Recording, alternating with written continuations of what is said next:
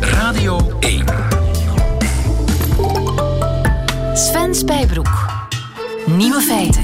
Goeiedag, dit zijn de nieuwe feiten van vandaag, vrijdag 18 mei. Het uh, nieuws van de dag is het heldhaftige verzet van Oekraïense dolfijnen tegen de Russische annexatie van de Krim. Het Oekraïense leger die hadden op de Krim eh, dolfijnen getraind voor militaire doeleinden. En na de annexatie van de Krim in 2014 kwamen die plots onder Russisch bevel. En volgens niet dubbel gecheckte geruchten uit Kiev werden ze sindsdien getraind om militaire onderwateroperaties uit te voeren voor de Russen. Maar nu, vier jaar later, zijn de meeste van die dolfijnen gestorven. Niet omdat ze slecht behandeld zijn, nee, volgens de Oekraïense gezant op de Krim zijn ze een patriotische dood gestorven. Ze vertikten het niet alleen om de Russische bevelen op te volgen, zij wilden zelfs geen voedsel aannemen van de Russische veroveraar. Veel Oekraïense soldaten kunnen daar nog een voorbeeld aan nemen, zo werd gezegd. We hebben het ook nog over eh, Project Maven. Dat is een eh, project van Google waar heel veel mensen binnen het bedrijf zich tegen verzetten. Het inburgeringsfeestje van Sander van Hoorn moeten we het over hebben. De snelste waterkoker ter wereld. Die kan in biljardste van een seconde water opwarmen tot 100.000 graden Celsius.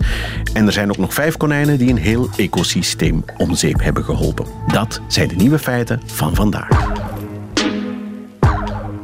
Nieuwe feiten. Al meer dan twaalf werknemers hebben bij Google ontslag genomen omwille van een nieuw project waar ze bij Google aan het werken zijn. Uh, Project Maven heet het. Er is ook een petitie rondgegaan in het bedrijf. 5000 werknemers hebben laten weten aan de top van Google dat ze willen dat het bedrijf daar onmiddellijk mee stopt. Dus willen wij wel weten wat dat is, dat Project Maven. Dag Magali Dereu. Goedemiddag. Je bent uh, tech-experte. Jij wordt dus verondersteld om alles te weten over Google. Wat, wat is dat Project Maven precies? Wel, ja, het komt er dus eigenlijk op neer dat uh, het Pentagon problemen had om de massa aan beelden die hun drones verzamelen, om die te analyseren. En uh, dat is waar Google in het spel komt. En die stelt hun AI-technologie ter beschikking om verschillende objecten en mensen eigenlijk in grote hoeveelheden sneller te identificeren. Ah ja, AI-technologie, dat is uh, artificial intelligence, hè? Klopt. Ja, en heb ik het goed? Is dat, gaat dat dan om gezichtsherkenning? Die, die, uh, die computers, enfin, die software van Google, die kan op een foto meteen zien, ah, dat is die of die? Ja, en dat is vooral interessant als dat om grotere volumes gaat. Uh, ook omdat het niet evident is om mensen van objecten te onderscheiden. En dankzij die technologie kan dan een veel grotere slagkracht en snelheid gebeuren. Wacht, de, de scenario-schrijver van slechte B-films in mij begint dan te denken: hoe gaat dat? Pentagon, die hebben drones rondvliegen in Afghanistan en Irak en zo. En die zouden willen met gezichtsherkenning die en die terrorist eruit halen? Um, ja, daar zou het eigenlijk op kunnen neerkomen. Hè. Het, is, het is de bedoeling om, om inderdaad uh, uh, mensen en, en, en objecten te identificeren. En dat moet, ja, dat is de, de meerwaarde inderdaad voor terrorismebestrijding en zo uh, is daarbij absoluut aanwezig. Maar um, ja, de er is natuurlijk ook een grote keerzijde aan verbonden. Hè. En wat is de keerzijde? Uh, vertrouwensbreuk. Uh, omdat ja, er is al zoveel uh, gebeurd en, het hele schandaal in Facebook. er is al zoveel vertrouwensbreuk en, en, en, gebruik van data waar we ons toch wel zorgen over mogen maken. gebeurt dat dit natuurlijk ook wel ja, een ethische kwestie. Een ethische kwestie is ook omdat je jezelf de vraag zou kunnen stellen moet Google echt deelnemen aan zo'n projecten die met oorlogsbusiness te maken hebben. Ah, oké. Het gaat niet zozeer om, om het feit van stel nu hè, dat zo'n drone dan zelf zou kunnen beslissen van ah, die en die terrorist vind ik, dus hop, ik vuur een raket af en dan zien we wel wat er gebeurt. Wat vandaag ook gebeurt, maar door mensen bestuurd. Maar het gaat echt om het principe. Bij Google vinden veel mensen, wij moeten niet aan defensie doen. Ja, absoluut. Um, begrijpelijk ook, omdat ja, ze, vinden, ze zijn ook van mening dat zulke dingen, die herkenning van, van mensen en het onderscheid tussen objecten en mensen, dat dat menselijk werk is en dat dat niet iets is dat... Dat is zo'n gevoelig werk dat, dat, dat daardoor niet aan algoritmes moet worden uitbesteed, maar mensenwerk moet blijven. Ah ja, maar het probleem is natuurlijk, die algoritmes die bestaan wel en die worden steeds beter. En je zou kunnen redeneren, als het Google en het Amerikaanse leger het niet doet, dan zal iemand anders het wel doen. Waarschijnlijk, maar Google Google staat zo bekend als een, als een transparant bedrijf dat rekening houdt met de mening van, van de medewerkers, waarin alles besproken moet worden en de mening echt telt. En nu wordt dat zomaar zonder slag of stoot gedaan. En, en het is logisch dat die medewerkers zoiets hebben van, oh, maar uh, wat is hier allemaal aan het gebeuren? Wil ik wel deel uitmaken van een bedrijf dat zich met zulke projecten bezighoudt? Ja, ja omdat ze in een soort, wat is het, Silicon Valley, uh, Burning Man, halve hippie-techsfeer vrij Ja. zaten tot nu toe, maar nu, nu, nu wordt het toch wel een beetje wordt- grimmiger, hè? Ja, ja inderdaad, inderdaad. Ja, er is twaalf man opgestapt, eh, een, petitie 5000 man. Is dat veel of weinig? Hoeveel, hoeveel man werkt er bij Google? Ehm, Zo'n 80 tot 85.000? Ah, oké. Dat is niet weinig. Nee, en ik denk dat het aantal, eh, onder, dat het aantal onderteken, handtekeningen dat dat wel enkel eh, zal oplopen. Ja. En, en gaat het iets uithalen, denk je? Waarschijnlijk niet. Eh, Google lijkt er nogal losjes mee om te gaan en, eh, en heeft, is, is in ieder geval momenteel nog niet zinnens om, om het project, eh, het contract dat ze met Pentagon hebben, stop te zetten. Laat staan dat ze er duidelijke voorwaarden aan gaan, aan gaan hangen. Want ik neem aan, als je met Pentagon zaken doet, dat er ook veel geld te verdienen valt. Waarschijnlijk. En dat is ook het, het- de, de gevoeligheid van de hele kwestie. Eh, gaat Google echt geld boven eh, de, het belangen van haar medewerkers eh, voorop stellen? Het lijkt wel zo te zijn momenteel. Ja. Of de aandeelhouders. Daar moeten ze nog Ja. tussen kiezen. Ja, zeg ja, en als Google het niet doet, zal Facebook het wel doen, zeker? Gok ik dan? Ja, daar, dat zou mij ook totaal niet verbazen, omdat ehm, momenteel is het een beetje. Je zou kunnen zeggen, gaat het echt wel zo'n vaart lopen dat onze data misbruikt gaat worden door alle techbedrijven. Eh, Google is toch best een ethisch bedrijf. Allemaal goed en wel, maar eh, kijk inderdaad naar wat er met Facebook eh, aan de gang is en heel, heel het Cambridge Analytica-verhaal. Ik zou zeggen dat we best wel wat sceptischer mogen zijn naar die techbedrijven toe. Ja. Maar kan je er iets aan doen? Op een of andere manier, die technologie is er, die komt er. Iemand gaat die gebruiken, hè? Ja, ik denk dat het zoveelste bewijs is dat er eh, nood is aan regulering, regu- regularisering sorry, en een, ethisch, eh, een ethische omkadering over het gebruik van, van data en, en technologi- technologische toepassingen zoals AI. Ja. Dat is echt dringend nodig. En om dat af te dwingen, zal je toch met petities en stakingen en misschien wel ontslag nemen. En zo moeten beginnen ergens. We gaan zien hoe het afloopt. Makkeli de Reu, dankjewel. Graag gedaan. Nieuwe feiten. De ontdekking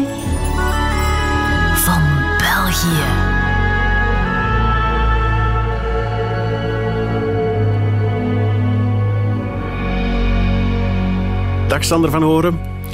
Goedemiddag. Hallo, een tijd geleden, nou, toch al even geleden ondertussen, hè, zat jij in Beirut. Was je oorlogscorrespondent zeg maar, vanuit de Arabische wereld. Ondertussen correspondent België Ja. voor de Nederlandse omroepen. En je ontdekt ons land en je komt ervan verslag uitbrengen. En Bij ons. deze week was het wel heel erg leuk, want ik heb eerder eh, in deze uitzending tegen Lieven gezegd dat het me zo tegenviel. Dat toen ik uiteindelijk mijn identiteitskaart kreeg en dus officieel in België was, in de gemeente Schaarbeek, waar ik woon, ging ik dat ophalen. En het was zo een plichtpleging van, nou, hier het pasje, er was niet eens een gefeliciteerd. Dat heeft de gemeente Schaarbeek helemaal goed gemaakt. Ah, je had gehoopt dat er confetti uit het plafond zou gekomen zijn en toeters en bellen. En... Op zijn minst, Ja. de nationale driekleur. Ja, maar dat hebben ze dus deze week wel een beetje goed gemaakt. Want op eh, woensdag was ik de gast met alle andere nieuwkomers in de gemeente Schaarbeek. En werden we officieel onthaald als nieuwe inwoners in België in Schaarbeek. Dat Oké, feestje voor de nieuwkomers. feestje voor de nieuwkomers. En eh, dat deden ze leuk, vond ik. Dat was eh Bernard Clervet, de, de, de burgemeester, met een deel van het college. Die in eh, de officiële trouw slash eh, raadszaal eh, ons welkom heette. En dat is in Schaarbeek meteen een hele mooie. Het is een oud gebouw. En aan de hand van het historie, de historie van het gebouw... vertelden ze ook over België en over Schaarbeek. Dus daar hadden ze ook nog eens over nagedacht. Maar de essentie vond ik eigenlijk wat ik miste die eerste keer... dat er een moment is waarop er gezegd wordt... welkom in Schaarbeek natuurlijk, maar welkom in België. Wij zijn er trots op dat jullie er zijn, zoals jullie er ook trots op mogen zijn dat jullie bij ons zijn. Hij staat hier echt te stralen. hè? Ja, mooi hè? Ja, ja, nee, nee, maar ja, ik, ja. ik, ik hou daar toch van. Ik denk ook namelijk. Wij, dat- wij Belgen denken dan, was er iets te eten? Er was iets te drinken na afloop. Ja, Ook goed. Bier Ook goed. natuurlijk, Ja. lokaal. Eh, eh, maar te eten nee, want die rondleiding op zich duurde twee, tweeënhalf uur. Dat was vrij lang. Dus na de hand zag je ook mensen vrij snel weer vertrekken. En, en de eerste vraag die, die er natuurlijk bij mij was in elk geval... in welke taal gaat het gebeuren? Ah ja, tuurlijk, ja. En eh, dat was toch hoofdzakelijk Frans. Eh Clairvet, de, de burgemeester, is, is Franstalig. En dat was eh, tijdens zijn beginpraatje ook wat in het Nederlands. Waarbij ik dan meteen denk, ja, mensen die hier komen in de zaal... ik denk een man of 200, 250, het was echt goed gevuld. Ehm, die zullen misschien met moeite één taal hebben geleerd. En dat overschakelen wat Vlaamse politici, of wat Belgische politici zo graag doen... midden in de zin tussen de ene en de andere taal. Ik denk dat dat volledig over de hoofden van heel veel mensen heen ging. Maar goed, dat was natuurlijk het eerste, hè? De, de, mensen in die zaal die werden tijdens de rondleiding opgesplitst in twee groepen, of eigenlijk in zes groepen.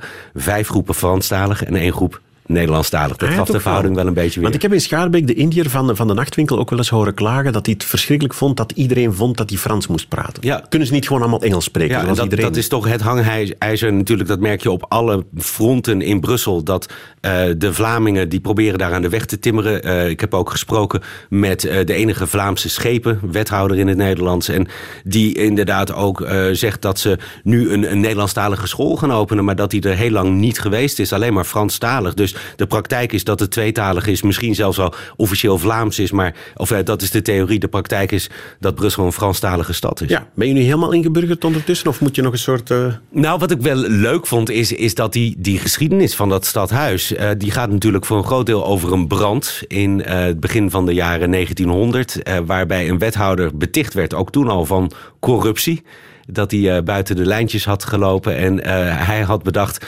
dat de beste manier om eh, daar onderuit te komen... was om het archief maar in de brand te steken. En hij nam meteen het halve gemeentehuis mee. Dus dat, dat corruptie en, en politici die naast de lijntjes lopen... meteen al een onderdeel is van je inburgeringscursus. Ik vond hem wel heel treffend. ja. Hebben ze jou ook Schaarbeekse woorden geleerd? Ik weet niet of er specifiek Schaarbeekse Ah, woorden zijn... jawel, maar ze zijn natuurlijk behoorlijk trots op de kers, het symbool van Schaarbeek. De kriek, als je dat had willen vragen, ja, die weet ik inmiddels. Nee, nee, nee. nee. Ik, ik heb van Lieven begrepen dat als jij langskomt dat er dan een taaltest moet afgenomen worden om te kijken hoe het gaat met die Je inburgering. mag hem overslaan, maar Ja, niks voor de Nee, nee, luisteraars... nee. Het is niet omdat er een studiemeester de in de zaal in is. je ogen toen bleek dat jij de taaltest mocht afnemen. De handen die wringen op dit moment. Sander Broebelair. Wat is een Broebelair? Geen idee.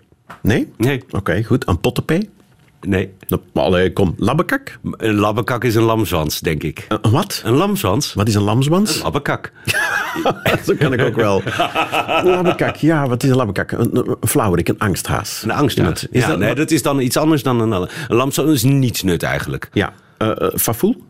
Fafoe, die ben ik al wel tegengekomen. Maar ik, ik hoor woorden ook graag in de context. Eh, eh, eh, ja, goh, wie is er een fafoel?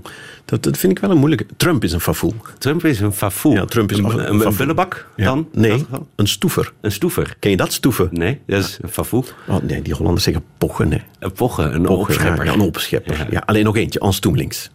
Nee, Echt niet? Nee. Dat hoor je echt wel vaak hoor, Ans Toemelings. eh, heb ik nog nooit gehoord. Nooit gehoord? Hmm, je zal dat Ans Toemelings nog wel eens horen.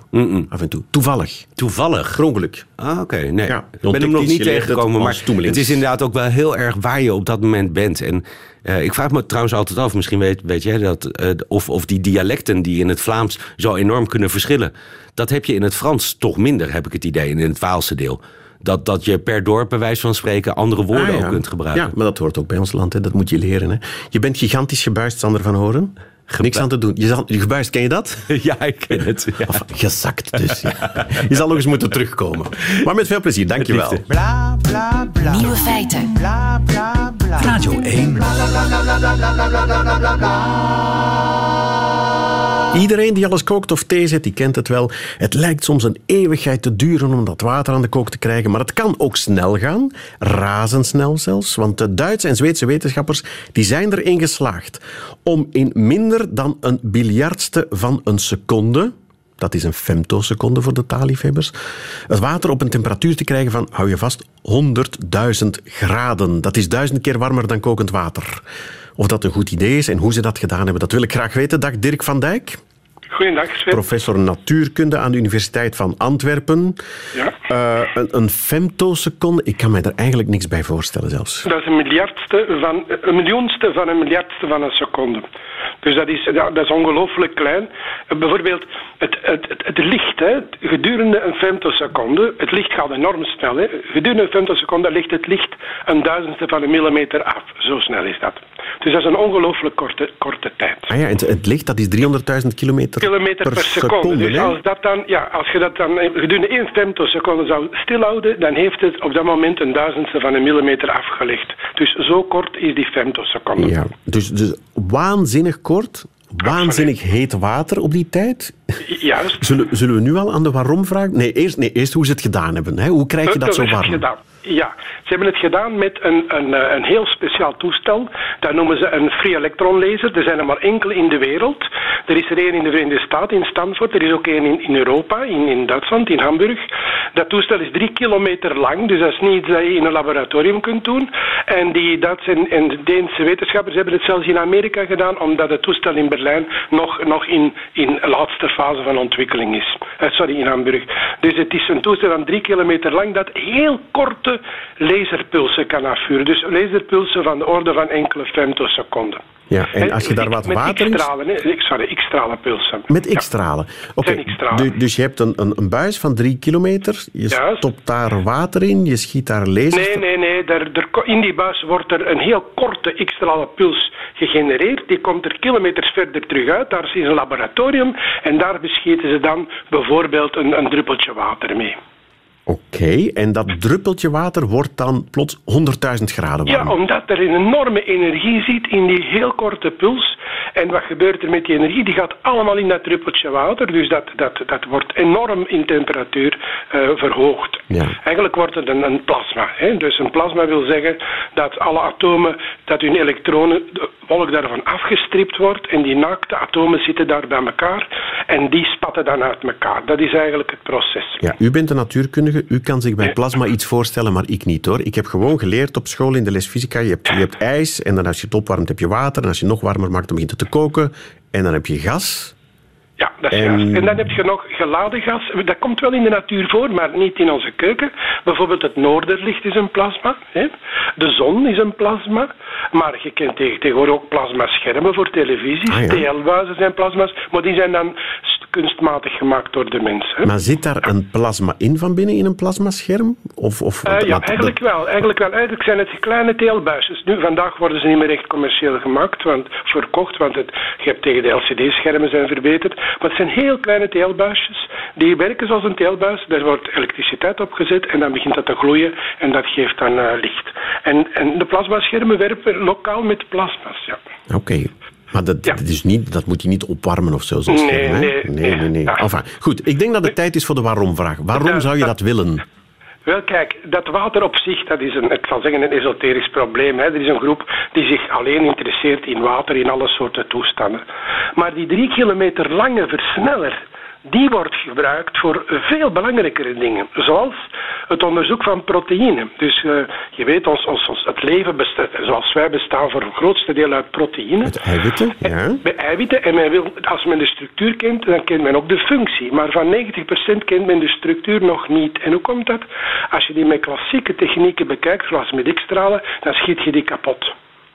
En wat is nu het idee? Als we zo'n korte puls maken, dat we dus een beeld kunnen maken voor het uit elkaar spat, dan kunnen we de structuur bepalen en dat nadien kapot springt, maakt, maakt ons eigenlijk niet uit.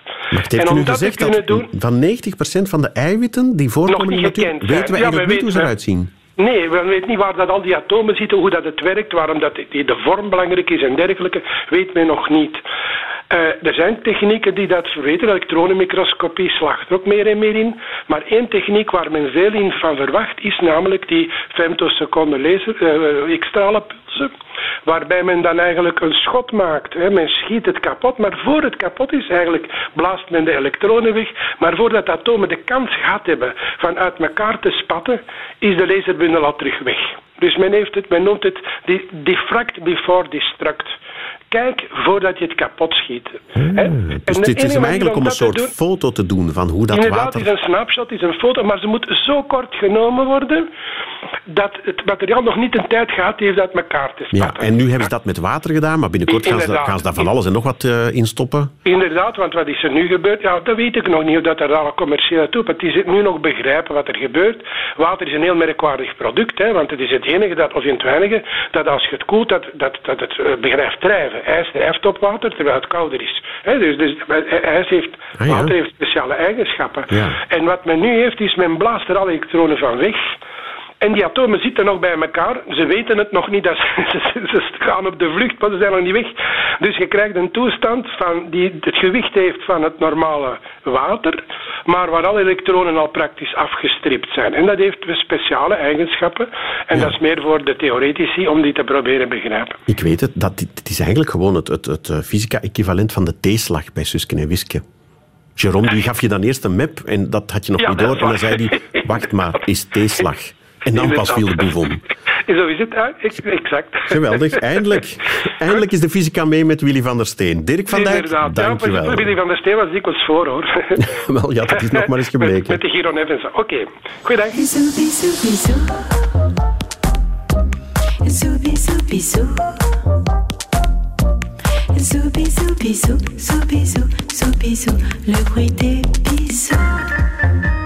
Nieuwe feiten. Vijf konijnen hebben het klaargespeeld om op hun eentje een heel ecosysteem naar de vaantjes te helpen. Dat blijkt uit een nieuwe studie van een aantal invasiebiologen. En uh, Rob Leuven van de Radboud Universiteit in Nijmegen die hangt aan de lijn. Goedemiddag, meneer Leuven. Eh, goedemiddag. U bent zelf ook een invasiebioloog en u heeft dat, uh, dat onderzoek gelezen. Hè? In dit geval gaat het dus over vijf konijnen die uh, waar precies een ravage hebben aangericht? Nou, er is een groep uh, Franse wetenschappers geweest. Uh, die zijn in 1874 naar de Kerguelen-eilanden archipel gegaan. Dat is in de Indische Oceaan, halverwege Madagaskar en Antarctica. Ja. En die hebben eigenlijk als voedselbron konijnen meegenomen. En na hun vertrek uh, waren er nog konijnen over en die hebben ze vervolgens losgelaten. En nou, die konijnen hebben uh, op uh, dat eiland een enorme plaag veroorzaakt. Ja, en, en, en, dus vandaag zitten ze met de gevolgen. Hoe erg is het precies? Met, met hoeveel zijn ze ondertussen, die konijnen? Hebben we daar enig zicht op? Uh, nee, dat is het uh, punt. Uh, want inmiddels zijn die konijnen bestreden in de jaren 50. Maar het aardere van deze studie is dat ze met hele geavanceerde technieken die hele invasie, verspreiding en gevolgen van die konijnen op dat eiland hebben kunnen reconstrueren. Ah, oké. Dus de ramp is al achter de rug eigenlijk. En al een hele tijd. Ja, en de konijnen zijn inmiddels ook alweer bestreden. Alleen is dat allemaal niet goed gedocumenteerd geweest. En deze studie uh, laat dus zien van nou, hoe die plaag is ontstaan en wat er allemaal is gebeurd. En uh, hoe lang het ook duurt om uh, ja, zo'n ecosysteem weer te herstellen. Ah ja, want wacht eens even. Uh, 1847 zei u. Toen zijn ze daar aan land gegaan, die konijnen? 1874. 1874. En pas in de jaren 40 hebben ze dat probleem min of meer kunnen oplossen? Ja, na in 1940 uh, zijn eigenlijk die konijnen gearriveerd op de plek waar uh, de studie is uitgevoerd. Ah, okay. Dus dat betekent dat uh, ja, die konijnen zo'n 75 jaar uh, op dat eiland zijn geweest, zich hebben vermeerderd, verspreid, vervolgens op die plek aangekomen. En vanaf het moment van aankomst op die plek hebben de wetenschappers kunnen aantonen dat er dus enorme veranderingen in uh, ja, die ecosystemen daar zijn opgetreden. En wat voor een plek was dat? Nou, dat was een plek bij een uh, bergmeer. En uh, zo hebben ze dat ook kunnen reconstrueren. Want in het sediment van dat bergmeer uh, hebben ze dus genetisch materiaal van de konijnen kunnen identificeren. Maar ook van alle plantensoorten die eigenlijk in die omgeving groeiden. En ze hebben de hoeveelheid sediment die opgehoopt is in dat meer kunnen meten. En met hele elegante methoden ook kunnen dateren omdat ze dus radioactieve stoffen, die vooral daar veel neer zijn gekomen, omdat in de buurt van dat gebied veel kernproeven uh, zijn geweest.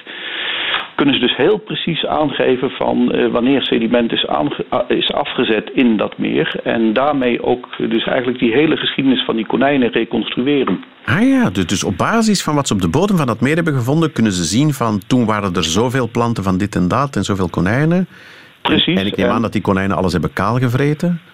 Uh, die konijnen hebben alles kaal gevreten. En dan zie je vervolgens ook dat uh, ja, er enorme erosie optreedt. Dus heel veel meer sediment uh, in dat meer terechtkomt. En dan langzaamaan zie je de planten, ja, gemeenschapssamenstelling veranderen in de omgeving. Ja, en, en zo'n konijn kan dus op een, ja, wat is het, op vijf of op tien jaar tijd een enorme ravage aanrichten dan? Ja, dat is heel duidelijk. Dus dat, dat in een periode van uh, tien jaar tijd uh, ja, die omgeving gewoon compleet is veranderd. En uh, daar zich een enorme ja, zeg, erosie heeft gemanifesteerd als gevolg van het verdwijnen van nogal ja, bodembedekkende planten. En is het daar nu een woestijn als gevolg van die konijnen? Eh, nee, eh, in 1955, 56 hebben ze die konijnen uitgeroeid met een eh, virus, het matosevirus. Uh, en vervolgens zien we dus weer een, uh, ja, een herstel in ieder geval van de plantengroei, maar met andere soorten. En dan zie je ook geleidelijk weer die erosie afnemen. En, uh, maar de les die we eruit kunnen leren is dat het, het verstoren van het ecosysteem echt in een hele korte tijdsperiode kan gebeuren. Maar het herstel daarvan ja, ongelooflijk lang duurt. Ja. Dus wat dat betreft geeft het ook aan dat het echt belangrijk is om eh, preventieve maatregelen te treffen. Want en dat goed in de gaten te houden. Precies. U, u, als invasiebioloog, heeft u, heeft u een lijstje van, van dieren die we in de gaten moeten houden? Exoten die ons kunnen bedreigen? Nou, dat hangt er dus vanaf uh, of je over eilanden of over Europa, België, Nederland praat. Ja, maar, laat ons dat uh, maar doen. België en Nederland. Welke dieren komen op ons af? Sinds kort is er dus een uh, Europese lijst van uh, invasieve exoten gepresenteerd. Daar staan inmiddels al uh, 49 soorten op. En uh, een aantal soorten zijn nog uh, de dossiers van in uh, voorbereiding. Maar dan gaat het om soorten zoals de wasbeer of de wasbeerhond, de muskenschat, de Chinese munkjat. Er staan ook een aantal plantensoorten op die problemen veroorzaken. Ja. Zoals de reuzenberenklauw of de reuzenbalsemien. Ja. Zeg maar, de, nou, de wasbeer allemaal... staat daar ook op? De wasbeer staat daar ook Worden wij ja. bedreigd door een invasie van wasberen? Nou, um, de wasberenpopulatie is op dit moment in uh, Duitsland, vooral in uh, de grensstreken met Nederland, uh, België, ontzettend groot. En we zien in toenemende mate, in ieder geval in Nederland al, dat die wasberen de grens overkomen.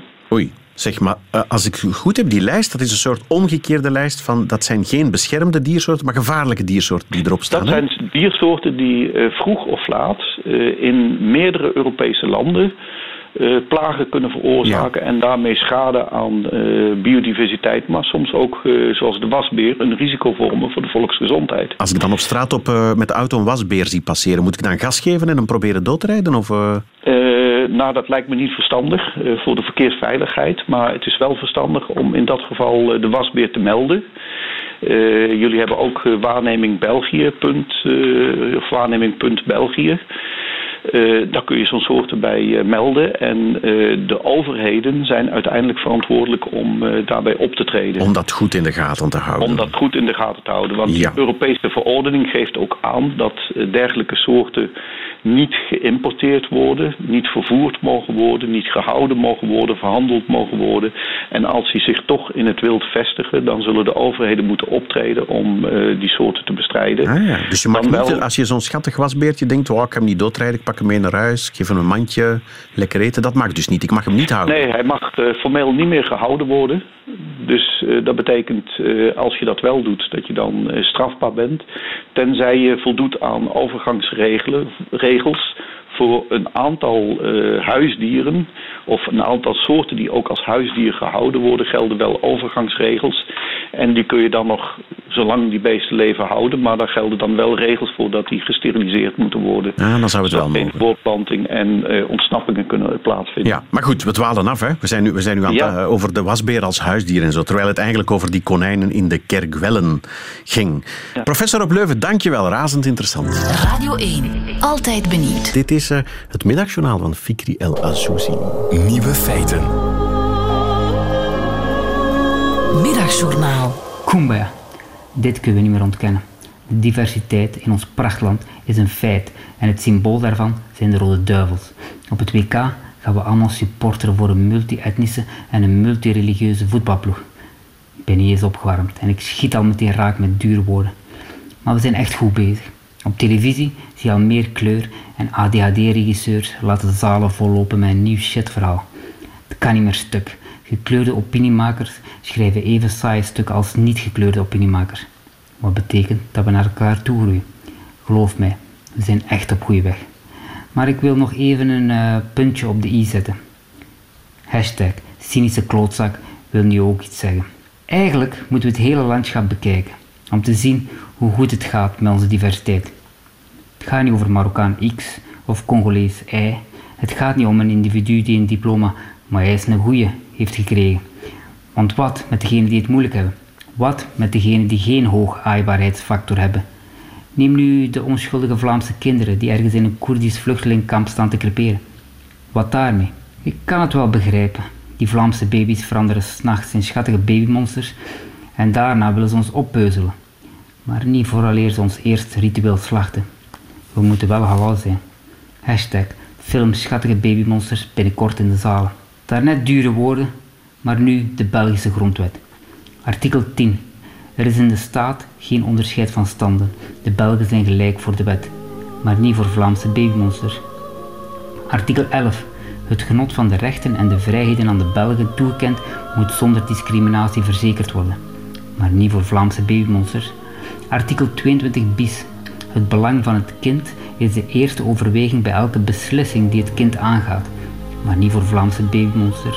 Artikel 23. Ieder heeft het recht om een menswaardig leven te leiden, maar niet voor Vlaamse babymonsters. Hashtag waar is de woede? Hashtag waar is de verontwaardiging? Die houden we vast voor als de rode duivels uitgeschakeld zijn. Kumbaya!